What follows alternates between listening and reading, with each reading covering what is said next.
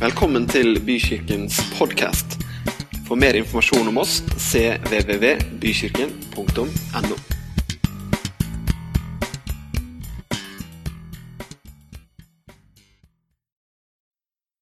Herre, vi takker deg for at du er en god far. Takk for at vi får være dine barn. Og jeg ber nå om at du ved ditt ord som du har gitt oss, skal være en stemme inn i våre liv. Ikke bare våre søndagsliv, men våre hverdagsliv. Takk at du har noe som er som mat for oss, som gir oss næring, og som blir instrukser og navigasjonspunkter videre i livet vårt. Amen. Amen.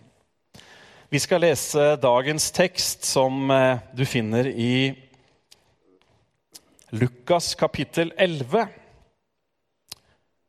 Og du får det på veggen, men du må gjerne slå det opp også. Og Vi skal ta oss tiden til å lese de 14 første versene der. Mens Jesus var på et sted og ba, sa en av disiplene hans til ham da han var ferdig.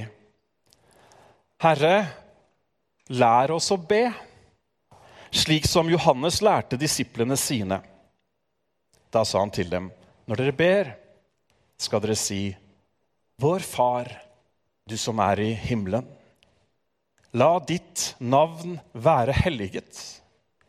Komme ditt rike. Skje din vilje som i himmelen, så og på jorden. Gi oss i dag vårt daglige brød, og tilgi oss våre synder, for også vi tilgir hver den som står i skyld til oss. Og led oss ikke inn i fristelse, men fri oss fra det onde.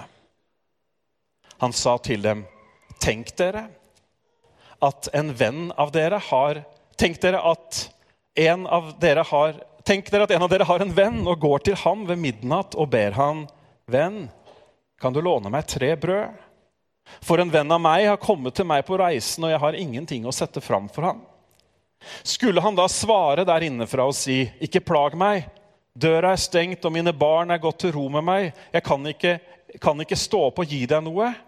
Jeg sier dere, selv om han ikke vil stå opp og ikke gi ham noe fordi han er hans venn, vil han likevel stå opp pga. hans pågåenhet og gi ham det han trenger.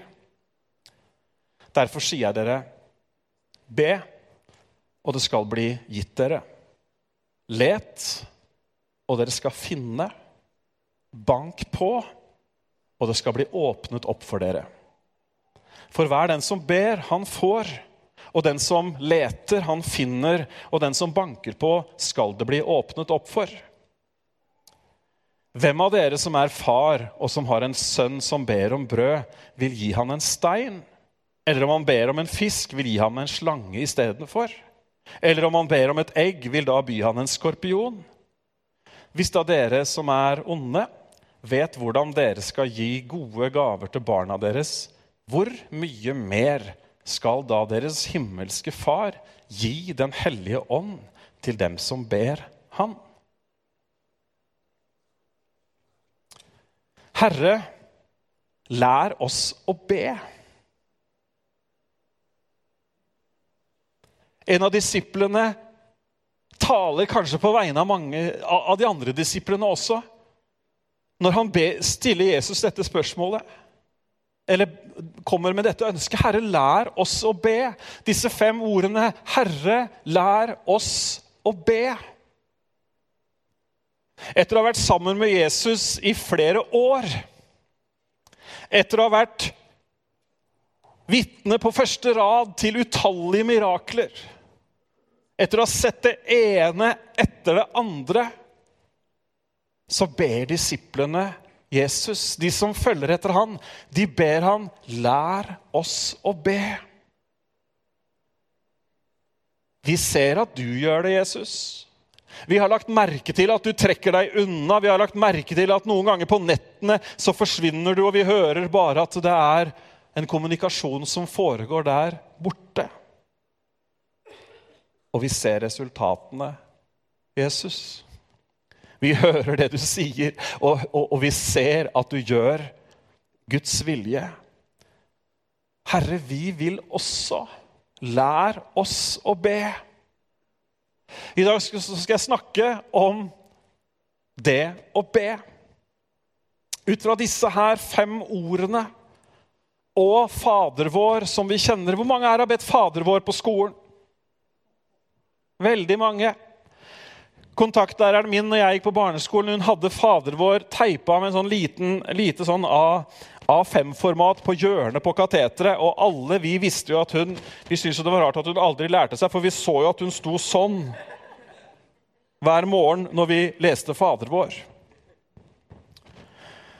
Og Fader vår er mønsterbønn, og vi skal gå litt inn i og se hva dette er. Men i et land som på mange måter har vært tvangskristna, så har det blitt et bønneformular som siteres, eller som står trygt på et pent kort, uten at man egentlig får tak i hva det er. Det er en helt annen inderlighet i spørsmålet fra disiplene. Herre, bare der vi har skjønt at du er noe annet enn et menneske, Jesus. Herre, Lær oss å be. Ikke, ikke 'Herre, kan du gi oss en teoretisk innføring i, i hva bønn kan utføre?' Men nei, Jesus, ta oss med inn i det bønnelivet, den kommunikasjonen, som du har med din far. For det er det bønn nemlig dreier seg om. Det handler ikke om at vi skal ha en spesiell rytme, at vi skal ha spesielle bønneformularer eller eh, holdt å si, rosenkranser og tidebønner. Og selv om mange av disse tingene kan være til god hjelp for oss, jeg sier ingenting mot det, men det er en inderlighet i disiplene. Kan du høre det? Herre, lær oss å be. Ikke mer hodekunnskap om bønn. Bønn er det, bønn kan gjøres sånn, bønn osv. Men ta oss inn i denne praksisen, denne forbindelsen. Vår Far, du som er i himmelen. Sånn starter bønnen. Og Noen er fortsatt på Fader vår, noen sier 'vår far', noen bibeloversettelser sier bare 'far'. utropstegn. Det spiller egentlig ingen rolle i det hele tatt. Det som spiller noen rolle her, er relasjonen. Det er relasjonen. Det er, det er, ikke en bønn som skal skape en relasjon. Det er en, bønn, det er en bønn, det er en samtale som springer ut fra at det er en relasjon. Vår far. Pappa, du som er i himmelen. Pappa, du som har all makt. Pappa, du som er Gud. Pappa, du som har skapt alt som skapt er. Sier noe om hvem Gud er, du som er i himmelen. Og det er ikke en bønn for at, elke, for at, han skal elske oss mer. Nei, ikke i det hele tatt, for han går ikke an å elske oss høyere enn det han allerede gjør. Men jeg tror virkelig at Gud vil at vi skal begynne hver eneste dag, om du vil, med å la oss forstå klart og tydelig. Dette er utgangspunktet, sier Jesus. Han er din far.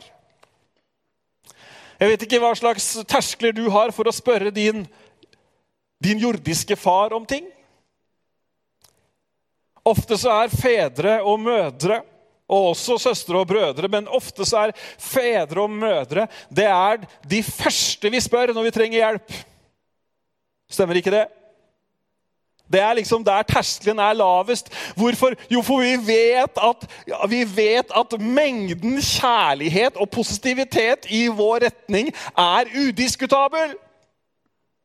Stemmer ikke det? Du veit egentlig svaret på forhånd. Svaret er ja. Så sant de er i fysisk nærhet eller har evne, eh, det være seg økonomi eller praktiske ting, så er svaret ja. Og det vil Jesus at du og jeg også skal få tak i når vi ber. Svaret er ja. Svaret kan også være deg, men da er det egentlig et ja, for da er det nei noe som virker positivt. Ikke sant? Vår far, du som er i himmelen. Jeg tror det er viktig at vi på denne måten, ut fra denne relasjonen, bare kan la vår, vår, vår, sjel, vårt indre menneske, bare bli marinert i hans kjærlighet. Vår far. Ikke 'Å, du høy og du, du høyt aktede, allmektige Gud, måtte jeg kunne finne en mulighet til å få et minutt med deg. Men den derre Nei, pappa Syns det er så nydelig å se, spesielt små barn. Har du stått på Gardermoen noen gang når du venter på noen som kommer? Og så kommer de ut den der døra, og så står mamma eller pappa og venter på dem, og så glemmer de bare alle andre mennesker. De glemmer alt, og så bare stormer de, og så bare kaster de seg i pappas favn. Herre, lær oss å be. Når dere starter å be, skal dere si 'pappa'. Vår far. Det er så viktig. Det her passer ikke så godt i religiøs fromhet. Da skal det helst være noen fine titler. Men det er relasjonen. Amen. Helliget være ditt navn, eller la ditt navn holdes hellig. Da beveger relasjonen seg over i en tilbedelse. En lovprisning. Da begynner vi å uttrykke vår respekt og vår hengivenhet til Guds hellige karakter. I tilbedelsen av Han så forstår vi mer av hvem Han er. Ditt navn er hellig, Gud. Ditt navn er, er stort, Gud. Det er annerledes. Det, det er noe helt annet. Navn på Bibelens tid hadde en helt annen betydning enn det navn har for oss i dag. I vår kultur så er navn i hovedsak en indikator på hvem den personen altså, altså For å liksom skille Ola fra Kari, så heter Kari Kari og Ola Ola, sånn at vi kan liksom eh, fylle inn bordkortene. Ikke sant?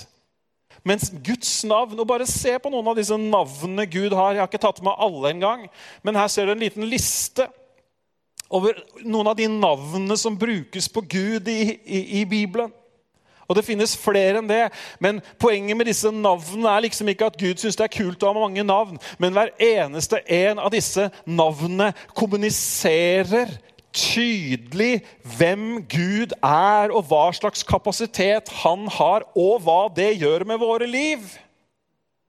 Når Gud også kalles for Immanuel, som betyr Gud med oss, er ikke det bare kult å ha et mellomnavn som er Gud med oss, men det kommuniserer hele essensen i nærheten mellom Gud og menneske. I nærheten mellom skaper og det skapte.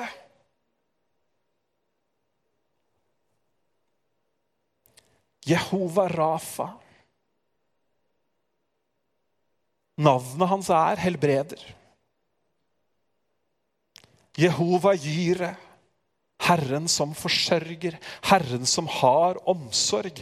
Han har alle disse navnene for at vi skal minnes på og for at det skal kommuniseres inn i livene våre hvem han er og hva han har muligheten til å gjøre. Derfor så sier vi 'Helliget være ditt navn, Herre'. Vi priser ditt navn, Herre. Og når vi priser hans navn, så blir hans navn, hans egenskaper, hans makt Det blir noe som våre liv blir preget av, og vi får del i hvem han er. Amen. Derfor så priser vi Gud. Vi priser ikke Gud for å få opp stemningen. Vel, stemningen den går alltid opp hvis vi priser Gud, men vi priser Gud fordi at han er noe helt annet enn et opphøyd menneske. Han er Gud, og hans navn er hellig. Så vi sier, 'Helliget være ditt navn'. Du er mester, du er herre. Du er vårt seiersbaner. Du er vår fred. Kjenner jeg blir litt sånn begeistra sjæl, jeg. Så takk for at du deler det med meg. La ditt rike komme. La din vilje skje som den skjer i jorden. Herrevelde.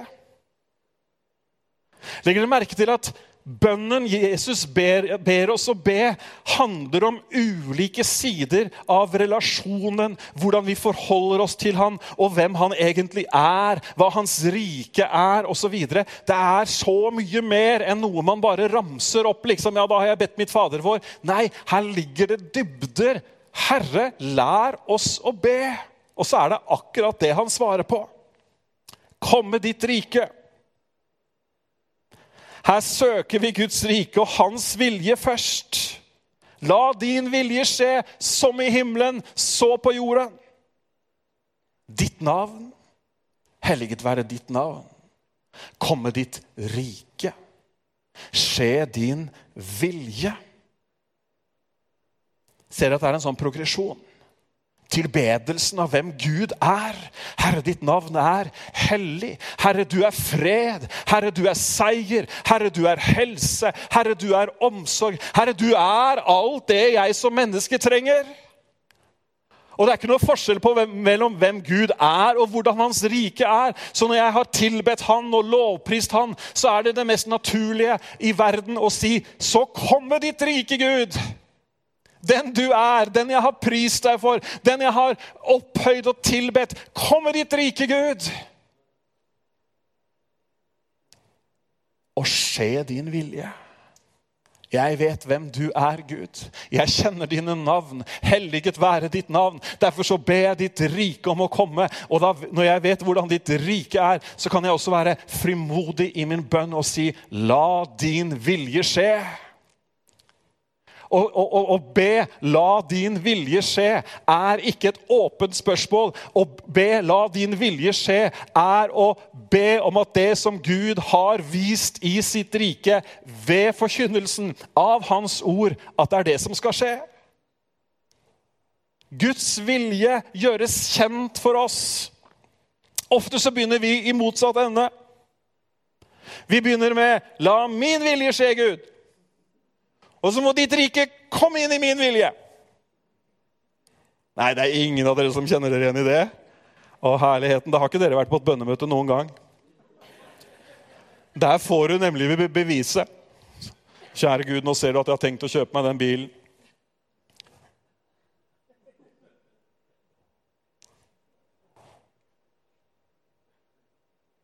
Det var et dårlig eksempel. Men er du med på tanken? Vi har våre planer og vi har noen tanker, og så tenker vi vi har liksom, vi, på en måte, vi har bakt kaka.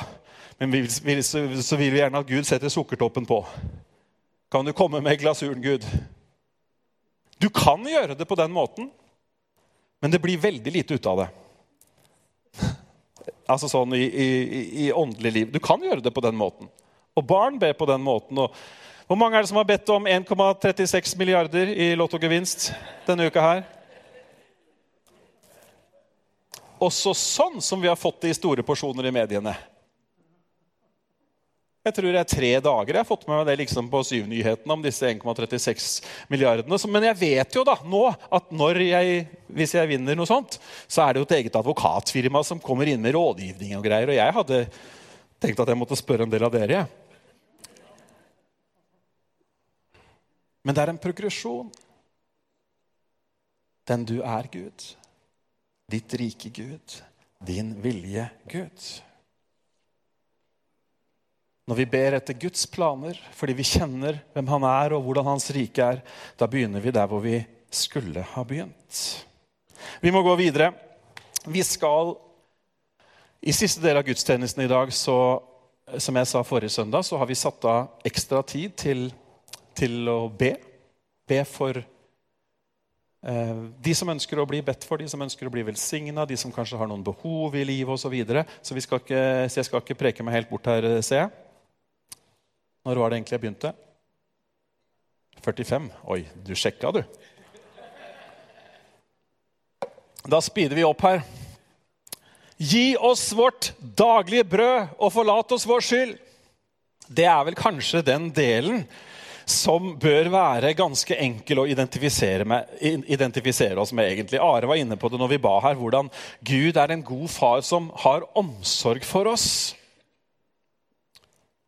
På mange måter så er det her også litt sånn den der, Spesielt det her med 'forlat oss vår skyld'. Her kommer liksom litt fartsdumpa i den bønnen. Har du tenkt på det? Alt er veldig sånn 'Far i himmelen' og 'helliget være ditt navn' og 'ditt rike og din vilje', og så er det 'å forlate oss vår skyld'. OK, har vi, har vi skyld? Nei, men altså, seriøst? Har vi, har vi gjort noe feil? Eh, finnes det en teoretisk mulighet for at det kan skje ting i våre liv som gjør at vi bør stoppe opp og be noen om å tilgi oss? Noen som er gift her? Da trenger jeg vel ikke å si mer.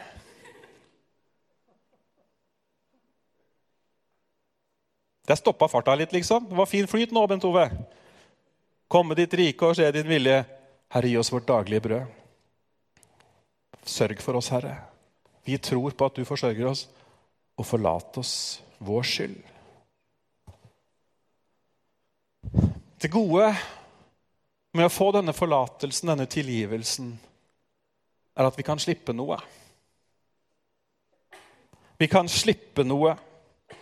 Vi kan bekjenne vår synd. Vi kan bekjenne det som deler, det som skiller.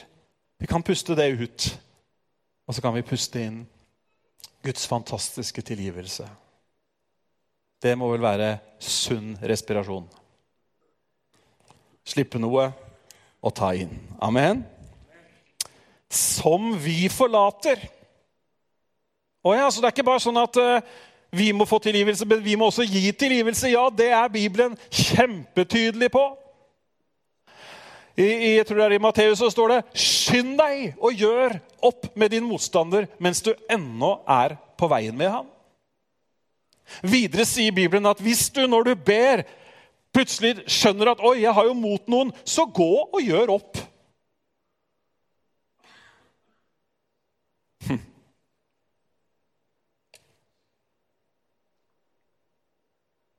Det oppfordrer oss til å erkjenne behovet for Guds nåde sjøl, og ikke minst også praktisere tilgivelse mot andre. Få tilgivelse, gi tilgivelse. Hva gjør det? Jo, det gjør at fellesskapet, samfunnet, relasjonen, den kan opprettholdes. Vet du hva jeg syns er så forfriskende? Jeg har, har, har, hatt noen eh, opplevelser i eget liv hvor, hvor man enten har gjort urett mot noen og fått tilgivelse, eller at noen har gjort urett mot meg, og jeg har tilgitt dem. Den følelsen etterpå, når ting er gjort opp og man kan gå videre, det er en god følelse. Det verste er Ikke det verste, da. Det beste det kan hende det er Gud som har hjulpet meg. jeg vet ikke. Men jeg glemmer det til og med. Det er ikke tull engang. Jeg glemmer det til og med. Jeg kan kanskje, hvis jeg setter meg ned Jo, det var jo et eller annet der. Ja, hva var det egentlig det handla om? Så merker jeg at det er borte. Noen ganger helt borte, andre ganger delvis borte. Det er en kraft i det å kunne tilgi. Og det er helt nødvendig for at du og jeg skal kunne leve sammen med andre mennesker, enten det er i kjernefamilien eller storfamilien eller i samfunnet eller i menighetslivet. Jeg tror det er viktig at vi vokter sjelen for å havne i en sånn der uforsonlig posisjon. At vi vokter sjelen, vårt indre menneske, så ikke vi havner i en sånn greie hvor vi egentlig er låst i skuffelse eller bitterhet mot andre mennesker. Det kan så fort blokkere vårt åndelige liv også. Led oss ikke inn i fristelse, men frels oss fra det onde. Er det ikke det hele bønnen leder fram til denne konklusjonen? Du, vår gode far, med ditt hellige navn, med ditt rike og din vilje, du som forsørger oss, du som ber oss å gjøre opp med våre motstander, du som ber oss om å leve i tilgivelse. Herre, jeg ber om at du skal lede oss. Ikke inn i fristelse, men frels oss fra det onde. Noen ganger så tenker vi på fristelse som noe sånn voldsomt som du liksom plutselig blir dratt mot. Men fristelse det er alle de tingene som egentlig bare gjør at retningen din eller sporet ditt eller der du er på vei, kommer litt ut av kurs. Gud, led oss. Vi trenger ikke å ta noe håndsopprekning på det, men et, et godt spørsmål er jo Trenger jeg å ledes? Trenger jeg ledelse? Trenger jeg vite hvor jeg skal gå? Trenger jeg vite hva jeg skal gjøre? Trenger jeg å ha en retning på livet? Trenger jeg svar?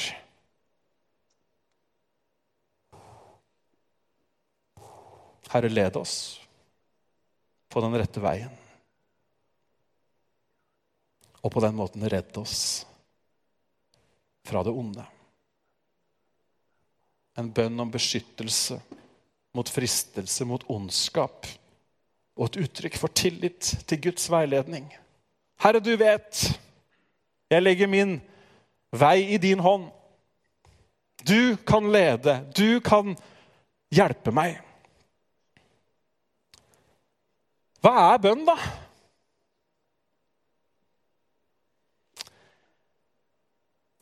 Jeg tror virkelig at i din og min hverdag, i etterfølgelsen av Jesus som vårt store eksempel, så finnes det noe mye mer enn å ha en viss mengde bibelkunnskap og kunne referere historiene i evangeliene og skapelsen og noen av disse tingene til en viss grad. Og kunne gjengi hva Jesus sa og gjorde, osv. Å følge Jesus er noe helt annet enn å ha et sett av verdier på plass. Det er nemlig noe helt annet som du og jeg har fått som Guds barn. Du og jeg har fått en mulighet, vi er blitt gitt en mulighet til å være kobla til hans nærvær. Hørte du hva jeg sa? Du og jeg har fått muligheten til å være tilkoblet Jesu nærvær med livene våre. Det er det bønn dreier seg om.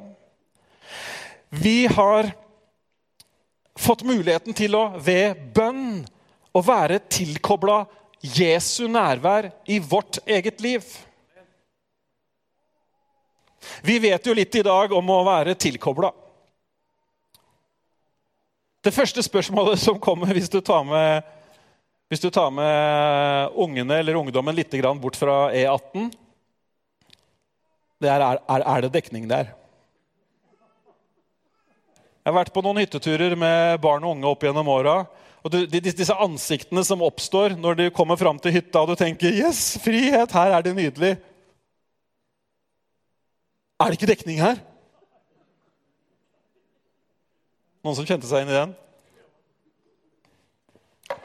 Kan jeg få låne litt 4G av deg? Dere, å be Herre, lær oss å be. Å be er å være kobla til Jesu nærvær i vårt eget liv. Altså ikke som en religiøs kutyme, men men rett og slett det å koble seg på Gud. Hva var det Jesus gjorde når han gikk av gårde om natta eller når han trakk seg tilbake til et øde sted for å be? Jo, han rydda bort de andre tingene og sørga for at han var på nett med Gud. Og han sier jo mange ganger at 'jeg gjør ingenting utenom det min far har vist meg'. Være tilkobla Gud. Jeg, mitt liv i 2024, jeg kan ha Jesu nærvær kobla på mitt liv. Ja, Nå begynner jo begeistringen å stige bitte lite grann. Den burde egentlig ha vært i skyene. Det er jo gavepakke de luxe. Han som ikke døden kunne holde på. Hans nærvær er kobla på mitt liv. Og det gjør oss i stand til å være maksimalt nærværende i våre egne liv. Bønn finnes, hør her, bønn finnes, det å be finnes for at du skal ha muligheten til å være fullt og helt til stede her og nå. Ja, men jeg trodde at bønn var en sånn flukt. Jeg trodde at bønn gjorde at jeg liksom kunne finne på en aktivitet som gjorde at jeg slapp å tenke på livets realiteter. Nei, på ingen måte. Bønn handler om å være til stede her og nå. For Gud er ikke en fjern Gud som dukker opp på julaften. Gud er en Gud som vil være til stede med sitt nærvær her og nå i ditt hverdagsliv. Sånn at når hodesmertene blir uutholdelige, så ønsker han å komme med sitt nærvær og sin helbredelse. Når motet liksom svikter fullstendig, så ønsker han å være der med sitt nærvær for at du skal kjenne at det finnes framtid og håp. Amen. Være kobla til ham. Og bønnen er det sånn at ikke vi havner som sånne passive Passive tilskuere til vårt eget liv. Men det er høyst reelt, det er høyst håndgripelig, det er høyst relevant for ditt og mitt liv. Jeg tror, og det er derfor jeg snakker om dette her, jeg tror at Jesus har et kjempepoeng når han sier til sine disipler dere har ikke fordi dere ikke ber. Og Jeg sier ikke det for at jeg skal ta en sånn posisjon, at jeg skal dømme mine medsøstre og medbrødre eh, akkurat her og nå i vår tid. Men jeg tror det Jesus sier, er univers, en universal utfordring for oss som mennesker. At vi vet at bønnen finnes, vi vet at det finnes noe som er bønn, og vi, vi har en viss kjennskap til det. Men hvis vi kobler på, hvis vi ber, hva skjer da? Bønn er å ta imot virkeligheten fra Gud som sin egen. Hva betyr det? Jo, det betyr at i bønnen, når du ber og det er ikke snakk om å bruke akkurat ordene nødvendigvis, men innholdet i det Jesus lærer oss å be. Når han sier 'La ditt navn være hellig', 'Komme ditt rike', 'Skje din vilje'. Jo, hva gjør vi da? Da tar vi noen realiteter i den åndelige verden, og så fører vi det inn i vårt liv. Og så blir virkeligheten fra Gud det blir noe som også påvirker vår hverdag. Og det vi står midt oppi. Er du med på tanken? For, for, situasjonen, realiteten i livet ditt kan godt være sånn og sånn. Jeg har det sånn, sånn, sånn, sånn. sånn. Alt det. Bibelen har aldri snakka om at vi skal feie noe under teppet. Bibelen har aldri sagt at vi ikke skal snakke sant om hvordan det er å være menneske. Men Bibelen, Gud, gir oss en mulighet til å åpne en kanal hvor det kommer en annen virkelighet. Hvor det kommer andre retter på tallerkenen, om du vil. Sånn at det Gud gir, det han har gitt oss, den velsignelsen han har for livene våre, at det kan komme inn. Og vi vet at når han kommer på banen, så er han større, han er sterkere. Hans navn er over beskrivelsen på de ulike tingene vi måtte møte. Å be er å ta imot den virkeligheten inn i livene. Herre, sånn har jeg det. Men ditt navn Ditt navn er jo Jehova Rafa, helbrederen. Herre, jeg er så urolig. Jeg kjenner på en indre, en indre uro. Jeg klarer ikke å falle til ro. Men jeg vil tilbe deg. Ditt navn er hellig. Jehova Shalom. Du er min fred. Og det er sånn at Guds ord det har en skapende effekt. Sånn at når du og jeg sier 'Du er min fred', så påvirker det umiddelbart ufreden. Visste du det? Han skapte ved sitt ord. Det var jo ikke sånn at Gud dro fram en bunt med ledninger og, og lagde noen voldsomme koblinger når han sa 'bli lys'. Nei, men Er du med på tanken? På samme måte så har Må jeg huske at jeg skal sitte. På samme måte så har Bibelen, den Guds levende ord, har en skapende kraft. Så når vi sier at det er lurt å lese Bibelen, det er, det det er lurt å åpne og be og snakke med Gud, så handler det ikke om at vi liksom skal få noen stjerner i, i søndagsskolekortet, eller at, eller at, nettet skal bli fullt av gullfisk. Det handler ikke om det det hele tatt. Nei, det handler om at Guds ord er levende, og det skaper Bibelen sier at det evner det det nevner. Han sendte sitt ord til dem. Og hva da? Helbredet dem. Våre ord er ord, lyd som kommer ut av våre taleorganer. Men Guds ord er levende, og det å be er å ta imot den virkeligheten fra Gud inn i livet. Herlig. Se på klokka, jeg, vet du. Du skal få to ting til. Er det greit? Det er bra. Det er kjempebra, skal jeg si det.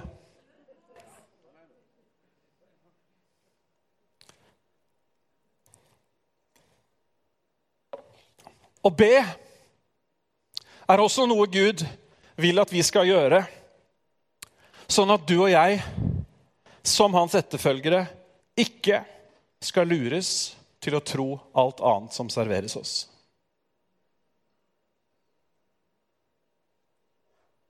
Den kan du tygge litt på.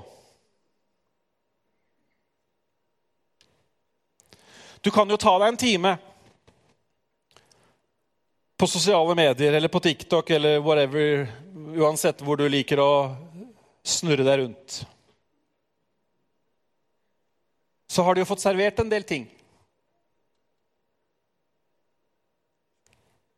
Eller bare ved å følge mediebildet tett. Vi serveres utrolig mange ting, dere. Har du tenkt på det? Og Nå snakker jeg ikke liksom bare om sånne åpenbare ting som synd og umoral og ting som, vi, som, Bibelen sier at vi skal holde oss langt borte fra. Nei da, men også innenfor den åndelige verden så serveres vi en hel mengde ting. Og da er det sånn at Gud han vil gjerne snakke litt sånn direkte med oss.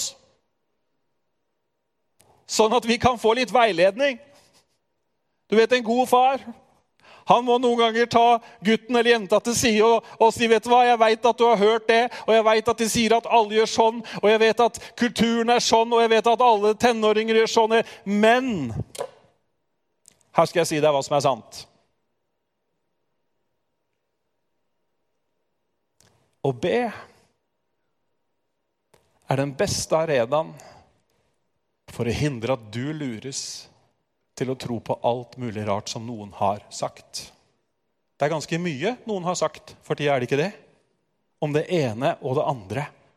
Men du skjønner det at det, i den nye pakt som vi lever, hvor vi selv har en relasjon til Gud, så har han gitt oss en arena, og det er bønnens arena, hvor vi kan være i dialog med han, sånn at vi kan høre fra Gud sjøl.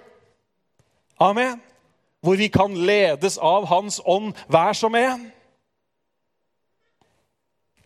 Det syns jeg er veldig fint.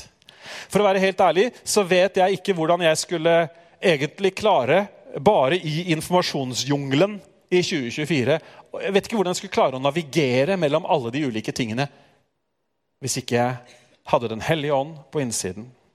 Hvis ikke jeg var kobla på hans nærvær. Hvis ikke jeg kunne snakke med han og bare få klar beskjed om at det der, det er bare å holde seg unna. Eller det der, det skal du gå dypere inn i. Og det er mange, som, det er mange og mye som vil investere i oss. Bønnen hindrer oss i at vårt indre menneske Og det her er viktig, dere. Å be hindrer oss i at vårt indre menneske ruineres. Sjelslivet vårt. Å be hindrer at det tappes og at det til slutt dør. Det er veldig vanskelig å miste troen hvis du har dialogen med Gud.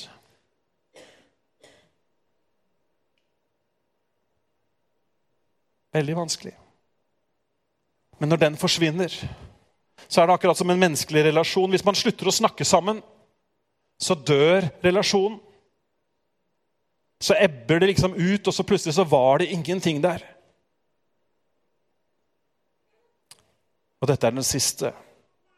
Å be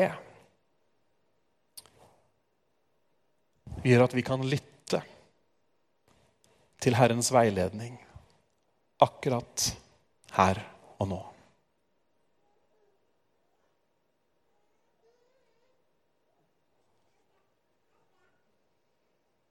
Tygg litt på den. Snakke med Gud gjør at vi kan lytte til hans veiledning her og nå. Jeg snakka med ei jente for noen år siden. Hun hadde Hun hadde en relasjon til Gud. Ganske ung jente. Vi snakker før tenårene. Og så var hun med noen i gata eller noen venninner hjem, og så skulle de se et eller annet på TV eller en film eller et eller annet. Og så kjenner denne jenta som kjente Gud, hun kjenner inni seg at dette her, det skal ikke jeg se. Det er mye rart som flashes på skjermene. Hun kjenner det. Og hvilken unnskyldning hun fant på, det vet jeg ikke, men hun eh, gikk hjem til mammaen sin. Og, og kommer du allerede? Ja, de satte på noe som jeg kjente inni hjertet mitt at det her skal ikke jeg se på. Guds veiledning her og nå. Han ønsker nemlig Akkurat som foreldre ønsker å verne barna sine, så ønsker han også å verne oss. Han ønsker å veilede oss. Nei, ikke gjør det. Og Nå snakker jeg liksom ikke om om du står der med lettmelk og skummamelk. Gud, nå trenger jeg litt veiledning. Nei, men Noen har jo jammen tatt det så langt òg, ikke sant? Herren sa jeg skulle begynne med light-produkter. Ja, fint. Kan hende han sa det. Jeg skal ikke si det.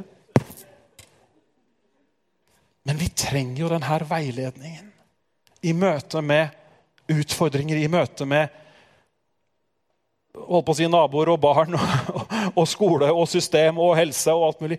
Vi trenger denne veiledningen her og nå. Og så mange ganger jeg har merka når jeg har snakka med Gud. Så mange ganger jeg har fått helt konkrete, små, praktiske instrukser som har gjort at man har blitt spart for ting. Det er jo litt av et liv jeg er invitert inn i, dere. Hæ? Muligheten til å koble Jesu nærvær på våre liv. Man ønsker seg jo superkrefter, man ønsker seg jo lottogevinster, man ønsker seg jo eh, rike onkler i Amerika, man ønsker seg jo det ene og det andre osv. Ingen av de tingene får man nødvendigvis, og ingen av de tingene kan gi den samme tilfredsheten men for meg å sette meg ned eller legge meg ned eller sette av tid til å be og få de her tingene inn i livet Jeg må si at jeg syns det er helt fantastisk. Og så er utfordringen der at vi tenker at det er jo vanskelig da, å få tid til å be. Mange kjenner seg igjen i det. Det er vanskelig å få tid til å be. Åssen skal vi få til det? Det er mye det er vanskelig å få tid til. Og Jeg ingen, kommer ikke med noe sånn hokus pokus-oppskrift. Gjør sånn og sånn og sånn nå. Det eneste jeg har funnet ut, som jeg sjøl har erfart, det er at jeg må jo bruke viljen min da, til å sette av tid. Jeg har faktisk prøvd når jeg var yngre. Tenkte at nå kommer det et eller annet over meg som bare gjør at Ja, der var han borte i mange timer på bønnemøtet. Tror ikke du trenger mange timer på bønnemøtet heller. Men du må sette av tid. Du må rydde Altså, Hvis Jesus, som hadde disiplene rundt seg, trengte å få de på noen meters avstand for å få instruksene, så tror jeg vi trenger det også. Og så er det kanskje hakket mer utfordrende, for vi har jo med oss Og vi er jo i nærheten av så mye input hele tiden. Og det er vi nødt til for vårt åndelige liv sin del. Nå snakker jeg i faderlig omsorg. For vårt åndelige liv sin del så er vi nødt til å ta den utfordringen på alvor. Nå begynner samfunnet, storsamfunnet, begynner nå å våkne overfor den utfordringen det er med den tilgjengeligheten vi har til alt via skjerm. Nå begynner spesialistene og psykiaterne og den ene og den andre begynner å snakke veldig tydelig om på en måte avhengigheten og hvor mye det tar av fokus, og det ene og det andre. Og ikke minst så merker vi det eh, når det gjelder ting som, som å ha tid til å be.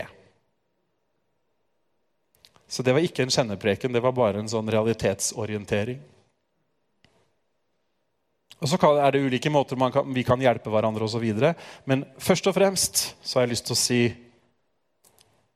Herre, lær oss å be. La oss ta svaret han gav, og disse historiene om skorpioner og egg og alt mulig. Bare, han bare tydeliggjør det så veldig. At Gud, han vil gi til hver den som ber ham. Han vil gi sin gode ånd, han vil gi sitt liv, han vil gi sin glede og sin fred. Dere, Nå skal vi bruke litt mer tid enn vi vanligvis eh, pleier å gjøre i en gudstjeneste. Eh, vi ønsker i dag å invitere